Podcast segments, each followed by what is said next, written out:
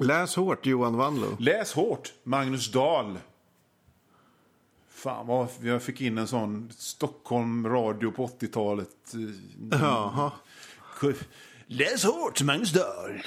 Men du är ju på radio emellanåt har jag förstått.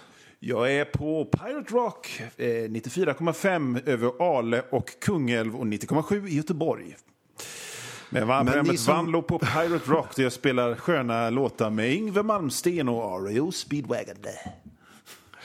För eh, alla ni som inte är intunade på den radiokanalen och istället lyssnar på den här podden eh, så är det här eh, Läs hårt.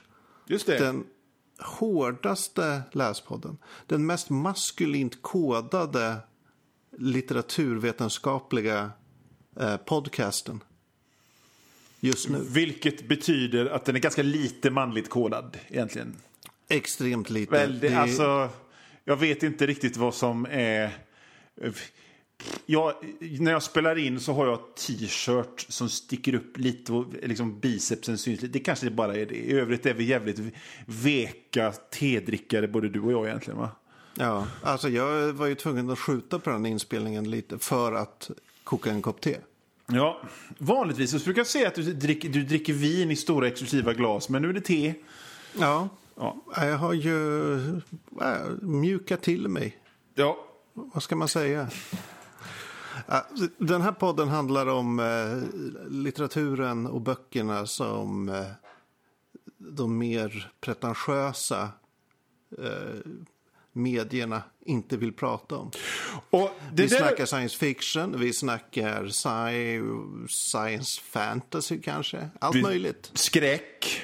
Drake. Eh, vi, vi, snackar, eh, vi snackar kioskdeckare. En robot som fått självmedvetande och går bärsärkagång. Exakt. Eh, en, en, en, en, en robot inopererad i en apas kropp. Så att, så att det är liksom som en sån här eh, fisk, eh, guldfiskskål ovanpå så hjärnan syns. Som vi En inte läst. viking som transporteras till ett postapokalyptiskt mardrömslandskap. Du, jag skojar inte. Jag har läst... Eh, du känner till eh, den här agentserien Nick Carter. Alla de här jävla pocketerna som fanns i driver förr. förr. Ja, det jag var läste- stor moralpanik. Ja, jag läste en sån som heter Blå död, utspelas i Sverige. Den, den femme fatalistiska b- blondinen i boken hette Astrid Lundgren. Oj, vilket mormors namn. Ja, precis. Och så sen, sen en annan sak så fick man lära sig att under hela Sverige så finns det stora bas, ubåtsbaser. Men det ballaste var nog slagsmålet mellan en upptinad eh, viking som legat nerfrusen i tusen år och Nick Carter på Tivoli i Danmark. så Men- att... Eh, Jag alltså- trodde Nick Carter var någon lite mer så här halvrealistisk deckarhistoria. Eller inte halv, men så här pulpig deckare. det liksom. Inte på- att det var en vikingar. Ja, det beror på helt vem som skrev dem. Liksom. Så att, Ah, eh, ja. Ibland var det, det way out. Har vi förklarat vad läs hårt är nu så att folk fattar, tror du? Jag tror det. Alltså, den enda detaljen vi ofta glömmer säga det är ju att vi väljer bok... Var, vad heter? Jag väljer bok till varannat avsnitt och Ja. du väljer bok till varannat avsnitt. Och vi, och, och vi försöker överraska varandra med balla grejer. Liksom. Regeln är att ingen av oss ska ha läst boken innan. Nej, Men man ska gärna vilja läsa den. precis. Och det är något, eh, det, det är ett tveeggat svärd. Vilket vi kommer komma in på lite senare i den här podden. ja, det kommer nog bli väldigt intressant det här. Du, ja, så här. Du, eh, jag har en liten... Jag, jag, jag funderade på en grej. Eh, När jag... ehm, jag vet inte vad som... Jo, eh, jag, jag läste om skräckböcker och, och skräck... Skräck är ju, var ju en favoritgenre för mig.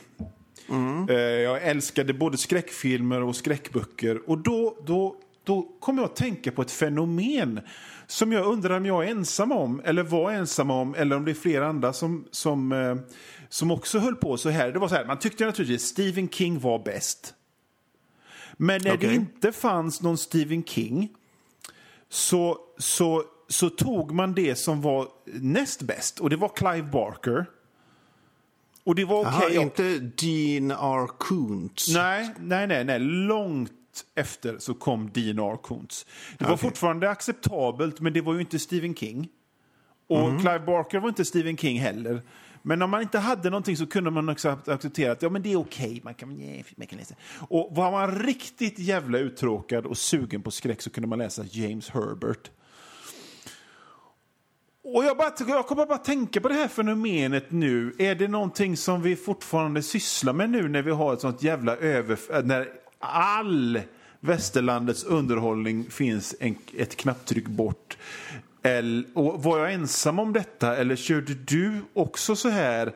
Fast med dina favoritgenrer och i så fall vilka var det? Alltså att man har... Jag förstår inte vad du menar. Vad att man, man, har om, man hade favorit... ett, om, man hade en sur, om man hade ett surrogat. Om man hade liksom någonting som, okej då, fan, ja, men jag har ju ingen ny Stephen King-bok, ja men då duger väl det här då. Och så läste man det och så liksom suggererade man fram att det var bra ändå på något sätt. Så Ja, man drog alltså jag- till med liksom när det fanns en Stephen King-brist, eller i ditt fall en...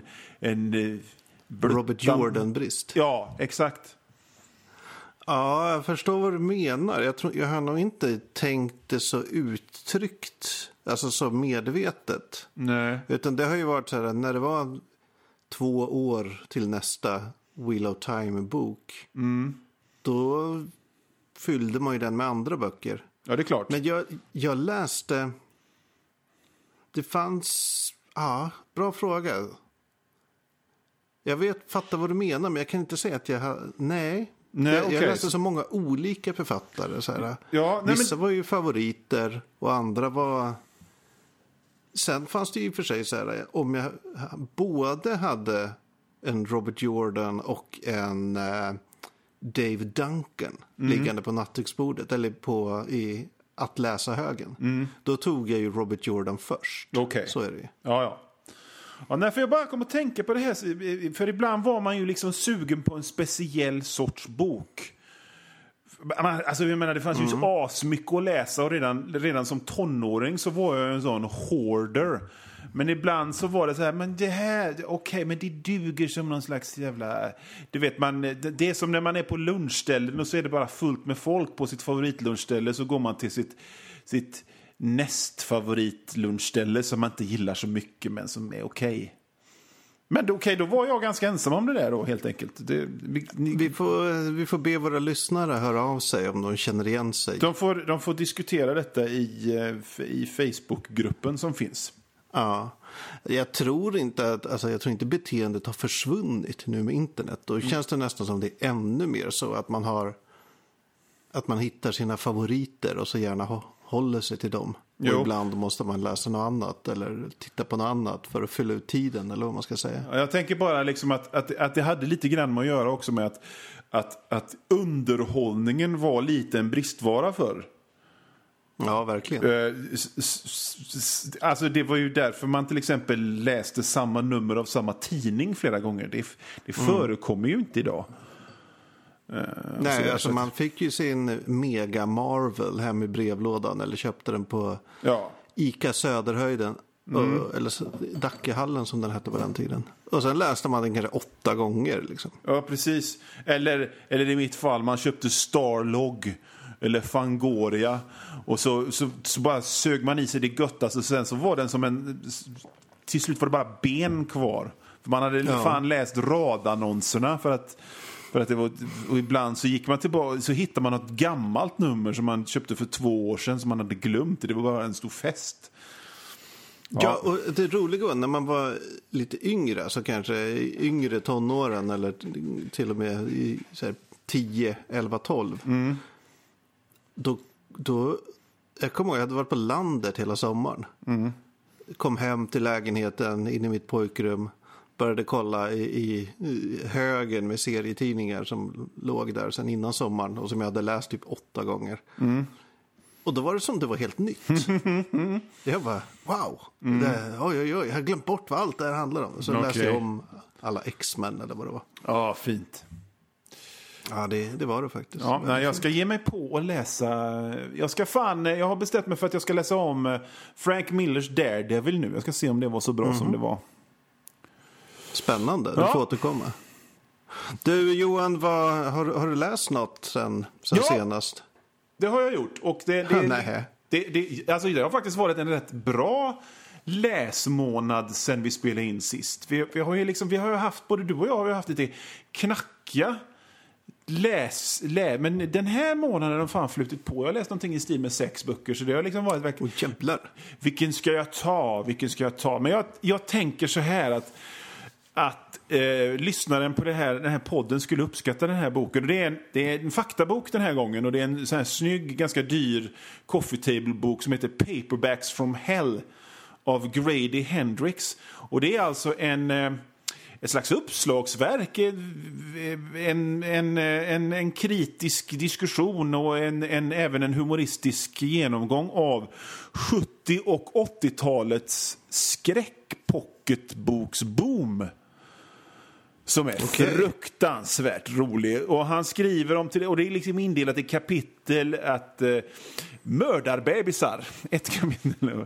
Och djuren attackerar är nästa ka- kapitel. Eller eh, onda guvernanter är ett tredje kapitel. Så man får läsa alla om de här böckerna om, om nazistiska tomtar i, i herrgårdar och eh, mördarkrabbor och eh, det ena med det fjärde. Och jag bara älskar det. För jag, ändå, jag minns ju ändå de här, de här driverna med, med omslag som gick i lila och pufftryck.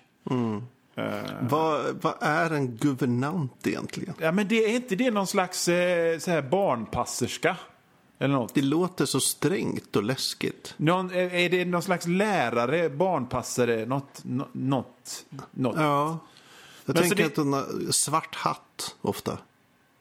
Ja, I de här böckerna så har hon ofta st- stort fantastiskt 70-talshår och någon vit klänning som, som fladdrar i vinden medan de, de, medan de blänger. Och så är det ett eh, stort jävla hus i bakgrunden. Det är också rätt intressant för att de, de, de, det är... Det, bland annat så har de eh, en liten genomgång av eh, av genren mysrysare, gothic romance som det kallas. Eh, eh, och den, den, den genren har ju en annan eh, titel också. Det är Women with great hair running from houses.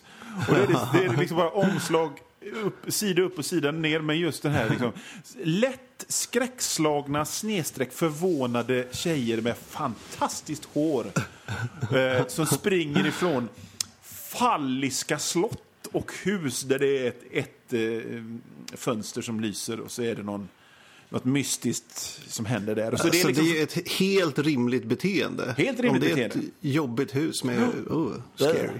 Och det är liksom någon... eh, Det är ett spöke där som eh, de både blir rädd för och blir kära i. Och så, så det, är liksom, det är ett kapitel. Sen är nästa kapitel som handlar om eh, folk, zombies som har kommit tillbaka från Vietnam. För det fanns naturligtvis hundra sådana böcker också. Och, och, och det är ju skitkul, för jag har ju läst mycket på det, av, av de här böckerna när det begav sig. Så att det var ju... Det, det är klart du har. Jättekul bok faktiskt. Och jag måste säga att eh, nog fan var det så att 80-talet var, var ett, ett skräckens höjdarårtionde på något sätt. Både vad det gäller film och, och böcker. Eller är jag bara nostalgisk nu? Är jag bara... Alltså jag för- vet ju att människor som, eh, som växte upp på 80-talet eh, sä- ofta säger så. Nästan oavsett genre. Okej. Att det är skräckens guldålder. Det är, Ja, men det är fan inte eh, James Bond-filmens- filmens, komedins guldålder. Alls guldålder. Ja, jag vet inte om Det jag kanske håller... stämmer. Jag vet inte om, det, om jag håller med det där, men, men just, eh, just skräcken tycker jag var outstanding då. Jag kan inte liksom komma på något årtionde när det var bättre.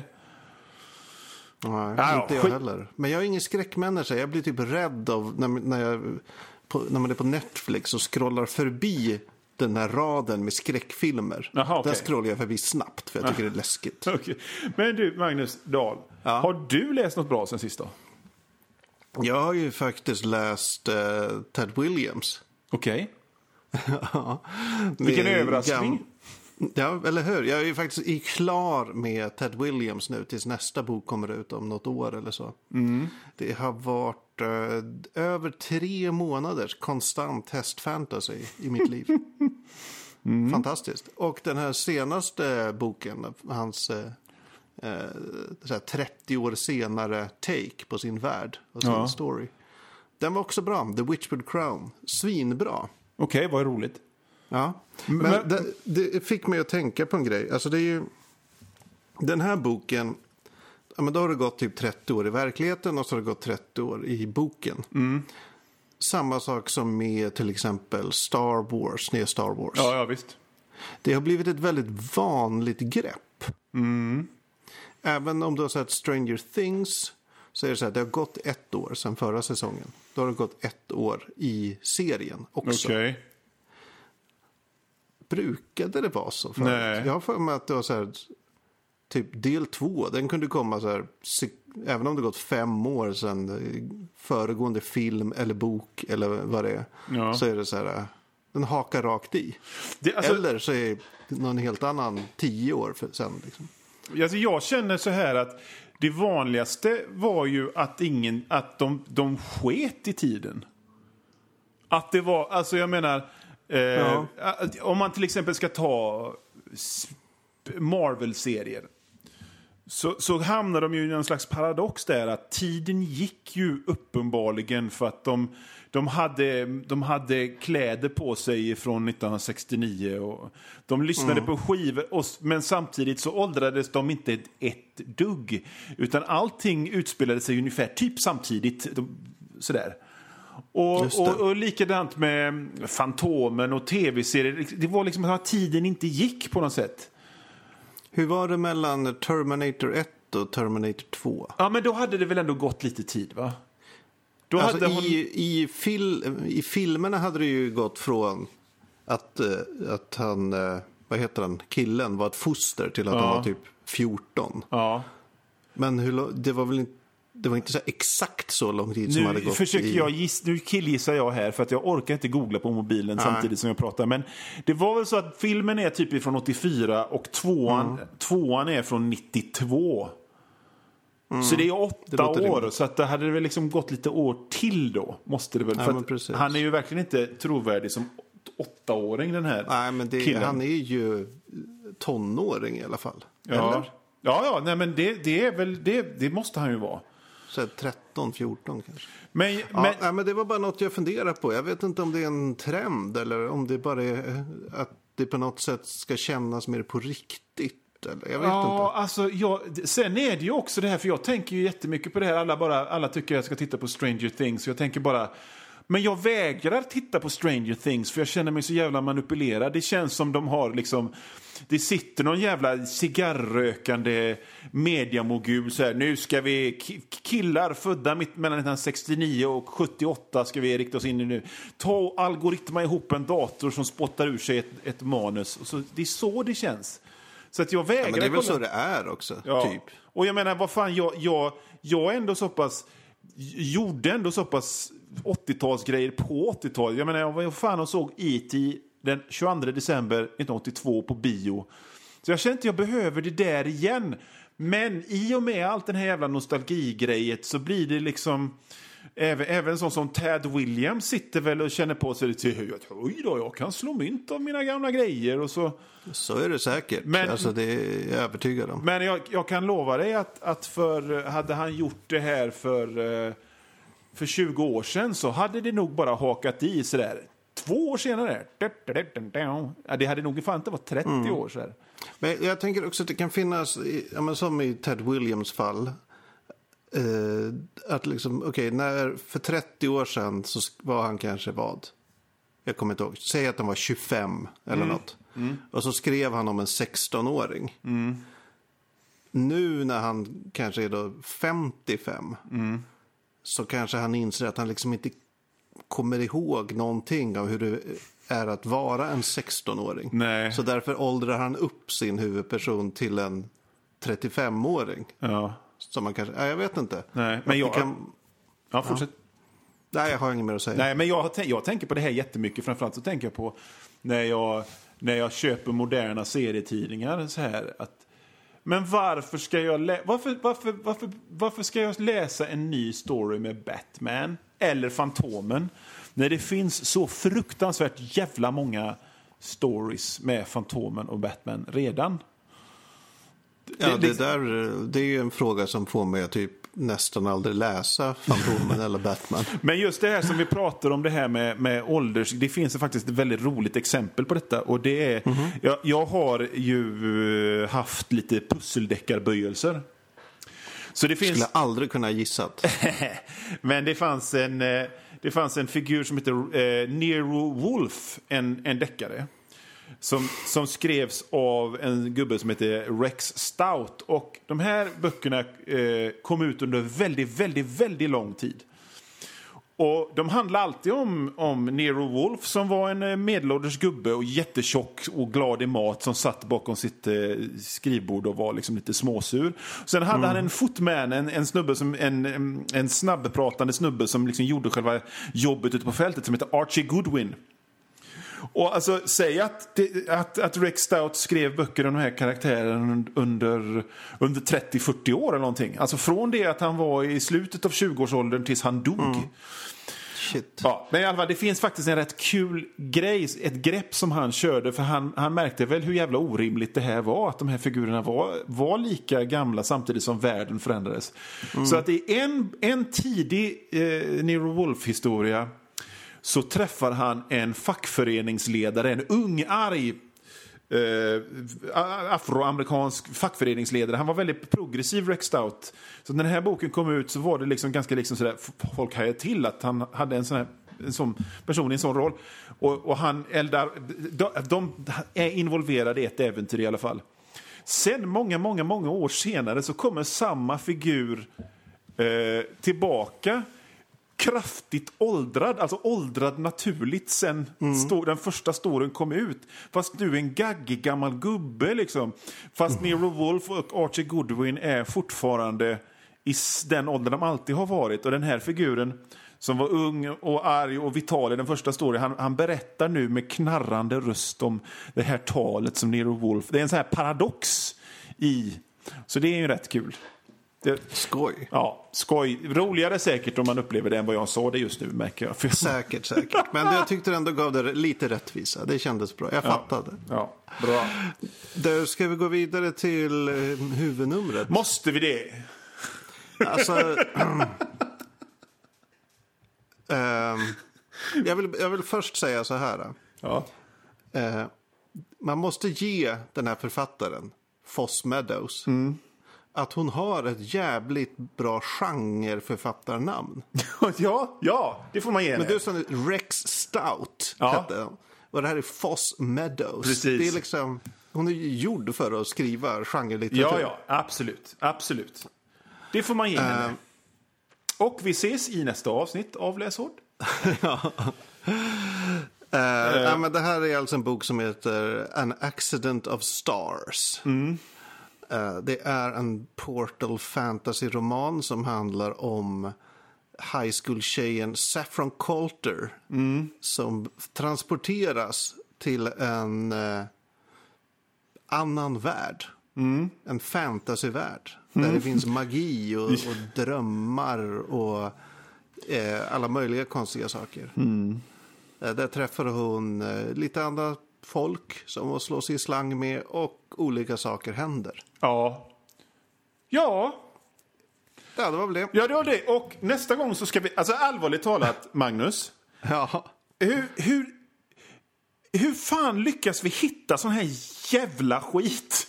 Alltså, alltså vi, vi, läser bra det, grejer hela tiden, du och Den här boken ja har jag sett liksom omnämnas på många olika ställen. Liksom, som säger, ah, bra, ny take på uh, Portal Fantasy. Här, spännande, bra, medveten. Och vet, du vad jag, vet du vad jag kommer att tänka på? Jag kommer att tänka Nej. på den här eh, Tarnsman of Gore. Ja, faktiskt. Fast tråkigare. Hur det nu fan är möjligt. alltså, Tarnsman of Gore fast liksom ideologiskt eh, omvänd. Ja, det handlar väl lite om polyförhållanden och sånt istället för pisk. Att det var liksom, men, men det var samma sorts jävla... Alltså jag ska berätta om det, hur jag läste den här boken. Ja. Och det var att jag började läsa den här boken och så tänkte jag, jaha, okej, okay, ja, ja. Ett, en sån här bok som ska rikta sig, någon, någon college-tjej som dras in i en fantasi, hon är uttråkad och så lite missförstådd och så dras hon in i en fantasivärld och, och det appellerar till folk. Och, ja, ja. och jag så satt jag och så läste jag och så läste jag och så läste jag och så läste jag och så tyckte jag, nu måste jag nästan vara färdig. Och så tittade jag på min Kindle så hade jag läst 20 procent. Och jag bara, gud! Och så sen så, så det, och det blev så här att det, det, det, var väldigt nära att den här podden inte fick något nästa avsnitt. För jag kände bara, men herregud, det här är ju för fan som en fotbojestraff eller någonting så här. Som att, när hela familjen har, nu är det min lässtund, nu är det min fritid. Så nej, då ska jag straffas en stund för att läsa. Och till slut så lä jag läste inte boken, jag tittade på sidorna. Alltså jag måste väl, jag skum, sista tredjedelen åtminstone bara skummade jag. Och, och, Det var, och, jag gjorde nedslag. Ja, här var det någon, hon träffade en drake plötsligt. någon hugger av henne två fingrar. Så, och, ja, och det är mycket så här. Du, alltså det nu ska jag... Alltså för det första så, så boken börjar ju i high school-miljö eller någonting. Och så sen så är det liksom någon slags eh, eh, eh, point of view-skifte till någon annan människa. Och då, she had kept in contact with Trishka through the dreamscape. Och jag bara, va? What? Va? Som om, har jag, är, det här, är det här del sju av någon serie som jag har missat? Eh, och, så sen så, och, så, och, och så när man bara slår nedslag så är det, det är ett sånt jävla uppräknande av namn hela tiden. Så här, Three hours north of the Riverside camp when Pix and Via were due to turn from Aveco, Sec suddenly announced I had a true dream of Leoden last night. Och man, vad är det här? Alltså jag brukar känna att jag är ganska tålig för så här, fantasy-namn och laviner av namn och massa namn. Men det Ja. här var fan i värsta... Jag, jag kunde inte hänga med. Jag tappade bort... Jag fattade inte vem som var vem ens när jag läste fokuserat. Vartannat ord var ett hittepå-ord. Det var liksom... Och- Ja, det var det faktiskt. Och, och, och, och de rider och infodumpar om jävla detaljer i kläder hela tiden. Och det är föredrag hela tiden om hur världen fungerar. Och det känns aldrig som boken kommer igång. Och, och, Nej, för det, jag, jag tänkte också dels... Okej, den kommer aldrig igång. Men Nej. också, man får all, vad är det som står på spel? Ingenting. Alltså jag fattar inte så här... Okej, hon kommer till den här världen. Ja. Och det- på olika sätt så hamnar hon i, på ett torg där någon religiös galning hugger av henne två fingrar. Jo, och så sen är hon inne i något... och sen bara... Ja. Men det händer, vad är det som ska hända? Varför, liksom? Varför gjorde in- hon det? Vad vad var bra? Skulle det, liksom- och, så, och så är hon inne i olika slott där folk som heter Sladrunka eller berättar saker om hur den här världen fungerar för henne. Det är väldigt mycket show. Nej, vä- väldigt lite show, väldigt mycket tell. Ja. Kan man väl säga. ja. Och jag, Alltså, jag det- fattar inte hur... Liksom, gör inte om detta, Magnus. Nej, jag är faktiskt förvånad. Alltså, Jag har haft många härliga upplevelser med Portal Fantasy. Ja. Och när du nämner Tarnsman of Gore så är det också Portal Ja, ja, Fantasy. visst. I. Och den var rätt, den var rätt tråkig. Ja, det var Och, det. och, och, och det, men det här var, det här var lätt, det är lätt den sämsta bok vi har läst i Läs hårt. Och det, då har vi ändå läst Undead. Eller vad den Ja, hette. den här jävla western zombie Och vi har läst eh, den här boken som, som, eh, som gavs ut av ett, en bensinmack. Ja, precis. Och, och, och sådär. Så att... Ja, men eh, om, för, om man ska, för jag vill ändå säga, jag tycker Foss Meadows har gjort det bra i att hon har skrivit fantasy och inte gjort en så helt vanlig standard tråk fantasyvärld. Nej. För jag, tänk, jag har ofta funderat när jag läser fantasy, okej, men du kära författare, du kan hitta på vad som helst och du gör en värld med kungar och alver.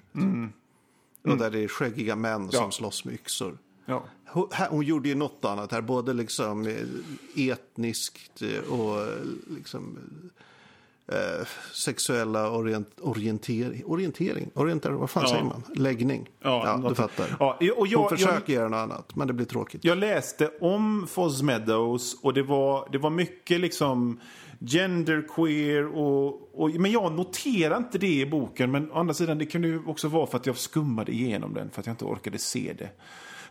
det var så... Det var... Ja, nej, men jag tyckte det var ganska påtagligt ändå att hon eh, ansträngde sig för att här, göra en, en värld som inte är ett patriarkat. Och, liksom, Ja. och ett, eh, där det inte är tvåsamheten som regerar och sådär. Men jo. problemet blev ju att hon... Alltså i många fantasyböcker eller science fiction-böcker så är snöar in på så här långa beskrivningar om hur teknologin fungerar eller om hur magisystemet fungerar. Ja. Men här var det bara långa beskrivningar om typ olika typer av relationer och hur de fungerar Ja. i den här världen. Och det, är, det kan ju vara fine, men det kom liksom i vägen för att man faktiskt skulle förs- se, fatta vad det här betydde och vad, vad vill du göra med de här strukturerna du har byggt upp. Liksom. Det kom man aldrig till. Det- det- det var bara massa så här, "Åh, nu har jag byggt upp den här häftiga världen. Men Ja. jag vet inte vad jag ska göra med Nej, den. precis, det var exakt så det var. det var. Vi har byggt upp den här häftiga världen och så här, eh, så här fungerar magin. Och så här fungerar det här kläddräkten och så här fungerar den här sortens hästdraksgrodan. Slut! Ja. Och ni kan ju tänka er hur jävla tråkigt det är för det här var ingen tunn bok. Äh, den var längre än jag trodde. Den Ja. var typ 400 sidor. Ja, och ni kan ju tänka er hur jävla tråkigt det blir med 400 sidor. Alltså hur intresserad man än är av andra sorts sätt att ha relationer så blir det tråkigt om detta beskrivs i 400 sidor. Usch! utan någon poäng eller riktning. Ja, jag vet inte. Jag, hade... jag blev jävligt uttråkad ganska Ja, snabbt. jag, jag kan säga så här. Eh, jag satt och skummade igenom de sista sidorna fem minuter innan jag ringde, jag ringde upp, du ringde upp mig. Men, eh, ja. ja. Nej. Jag, jag tycker också det är konstigt att en av de roligaste grejerna tycker jag med, med den här typen av eh, världshoppar-fantasy. Det är ju när personen som transporterats till den nya världen måste liksom upptäcka vad, vad är det för ställe hon har hamnat på. Liksom utforska och säga oj är det farligt eller vad är det här för konstigt jag ser. Men hela det försvinner i och med att man också har point of view-kapitel med folk som är liksom natives till den här Ja. planeten. Och så gjorde- man blir så här, um, jag har inget mysterium, inget konstigt, allt bara förklaras väldigt torrt och tråkigt. Och det var ju det som var, gjorde boken så jävla förbryllande till en början. För att, för att det här point of view-andet kom så tidigt. Så man bara, men vänta nu, är det, är det, är det, har jag missat att det här är bok sju?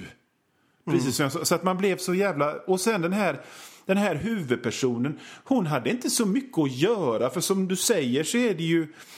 Det är ju en, det är ju en fantastisk... Det, jag menar, det är, ju, det är ju en jättebra grepp att dra någon från ett ställe till ett annat och så ser vi hur det går. Men Ja. hon blev ju alldeles... Det var ju folk som tog hand om henne hela tiden så hon var som en så här, lite bortskämd turist hela tiden som Ja, fick mat. bara och, med. Ja, precis. Och, eh, hängde med någon som, eh, som eh, turist till en turistguide. Ja. Jag undrar om Foss Meadows hade kul medan hon skrev den här boken själv, eller? Jag hoppas det. Ja. Hon har ju skrivit en till bok i, serien Jaha. som eh, utspelar sig efter den här, såg jag. I Related Books på Kindle kom den upp nämligen. Okej. Ja. Men jag tror kanske jag avvaktar. Det, Jag tänker hon kan få skriva klart den här serien. ja. Och sen kanske hon ho- börjar på en ny bok efter Ja. det. Den kanske jag läser. Ja. ja nej, hon det här, varm i kläderna. det här... Jag kände redan från omslagets varma färger i orange och gult och inga, att det här inte var min grej alls. Alltså omslaget är ju ett kapitel i sig. Ja. Den är ju lite pastellig nästan. Ja, precis. Pastellkritig. Och så är det de här, de folk i konstiga kåpor som sitter typ på, det, vad heter det djuret som Luke Skywalker gömmer sig i, i eh, Ja. The Empire Strikes Back. ja, jag kommer inte ihåg vad det var, men det var... Och så Ja. är det någon märklig stad i bakgrunden. Man ser, ja, det är konstigt Vet, alltså, vet du omslag. vad jag tänker? Jag tänker att det finns... I det här med genre. Att det finns grejer som folk gillar med gen genres. Och det här knyter tillbaka Mm. till det som jag pratade om skräckböcker förut. Att det fanns, det fanns grejer som folk gillar. Och du som är mycket mer utpräglat ett fantasyfan än jag. Nu, nu vet jag ju att du inte gillar den här boken, men eh, eh, kan det vara så här att fantasyfans gottar sig i de här jävla namnen och bara tycker det är mysigt och mm, namn, mysiga fantasynamn, vad bra, vad nöjd jag blev, det räcker. Kan det vara så? Just namnen tror jag inte. Men äh, jag, alltså just i den här... Jag vet inte. Nej, men jag kan Jag, däremot jag kan tro inte att... se... Den enda förlåtande kvaliteten jag ser i den är just att hon gör... Att hon aktivt jobbar mot det hela sunk fantasy-schablonerna som finns överallt. Jo, men det fanns ju Det- en annan... det måste man ge henne. Liksom direkt så fanns det ju en annan sunkschablon fantasy grej och det var ju det här med någon som är lite missförstådd tas på ett äventyr. Åh, egentligen får jag komma ifrån alla dumma mobbare och bli en prinsessa istället. Fast, fast ja, det blev hon ju inte. Hon hängde ju bara på och fick eh, två fingrar avhuggna och Alltså hon red blev lite. ju typ i slutet, in, inte en drottning, men typ så här drottning... Inte, ah, någon drottningsstatus, fast inte drottning. Ja, och sen kom hon tillbaka till, till sin skola igen. Ja, Jag ber om ursäkt för den här boken. Jag trodde faktiskt att eh, den skulle vara bra. Jag hade, var lite sugen på den. Och så här, hade läst gott om den. Ja, och då kände jag så här att nu måste vi bryta av, verkligen. Ja, ja, så nu ska, tills nästa gång, så ska du och Oh. jag läsa porr. Va? Vi ska läsa porr ifrån 60-talet.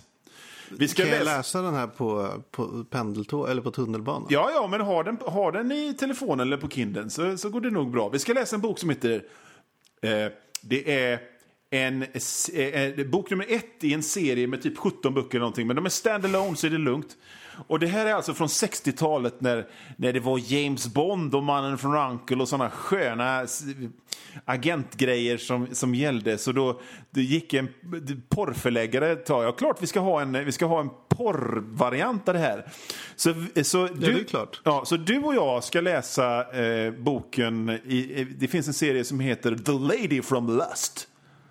The Lady. Är det någon så här The Man from Uncle-referens? alltså, då, då står det liksom L.U.S.T då. Det är själva seriens namn. Och vi ska läsa bok nummer ett i denna serie som heter Lust be a lady tonight. och om man tittar på de andra, eh, de andra eh, titlarna i den här serien så har de helt underbara titlar som som eh, boknummer, eh, vad fan, jävla Kindle-jävel, var är du? Där, de har titlar som eh, To Russia with Lust och så vidare. Så att, och Man anar ett visst tema. Och det fanns även en- det fanns någon bok som jag, jag kollade på boken som hette någonting, någonting Assassin. Du, du, du. och de här böckerna, eh, de skrevs under namnet Rod Gray. Men de skrevs Rod egentligen av en kille som heter Gardner F. Fox. Och han är bekant för att han skrev skitmycket serier för DC. Skrev. Hawkman och skrev mycket seriös fantasy. Och han skrev precis allting. Precis allting skrev han. Och han skrev även de här porr, porragent, swinging 60s porragentböckerna. Och de finns på Kindle. Det här eh, det blir, det blir väldigt spännande. Ja, alltså det är lite kul för att det är utgivet av alltså motsvarande Gardner F. Fox litterära sällskap.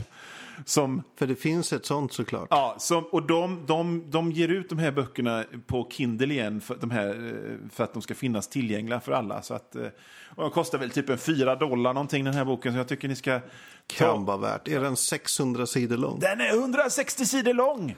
Oh my god, det är perfekt. Ja. För att Perfekt. du, eh, det är, får vi prata om detta om att du snart blir pappa vilken dag som helst eller? Ja, det får vi faktiskt prata om. Ja, för det, jag trodde att det kan vara lite relevant för lyssnarna. För att jag tror att vi faktiskt inte kan lova exakt när vi återkommer. Inte för att Nej, det på något alltså- sätt blir så här att du bara åh, vi kan-" men jag tänker att man vet aldrig i början innan det sätter sig eller hur fan det blir. Liksom. Ja, eller man kommer precis. undan. Eller så kommer man undan. Det, jag menar, det, det, det gör man också. Det är väldigt så att, ska vi säga att vi november, december-ish. Ja, alltså hoppas ju att vi kan återkomma tillbaks eh, i december i alla fall. Ja. Eller liksom början av december. Men eh, vi får se. Ja, Man vet aldrig. nej. Nej, det är verkligen när som helst. Eller ja, Ja. Och vi, beräknat födelsedatum den 15. ja, ja, visst. Och det var, i- nu när vi spelar in så är det den femte. Så det, ja. Ja, Spännande. det Ja, blir spännande. men då kan det väl vara lite kul att läsa lite porr. Ja, verkligen. Kanske på, på BB. Mm. Nej, vi får se. Eh, läs hårt, Magnus. Läs hårt, Johan.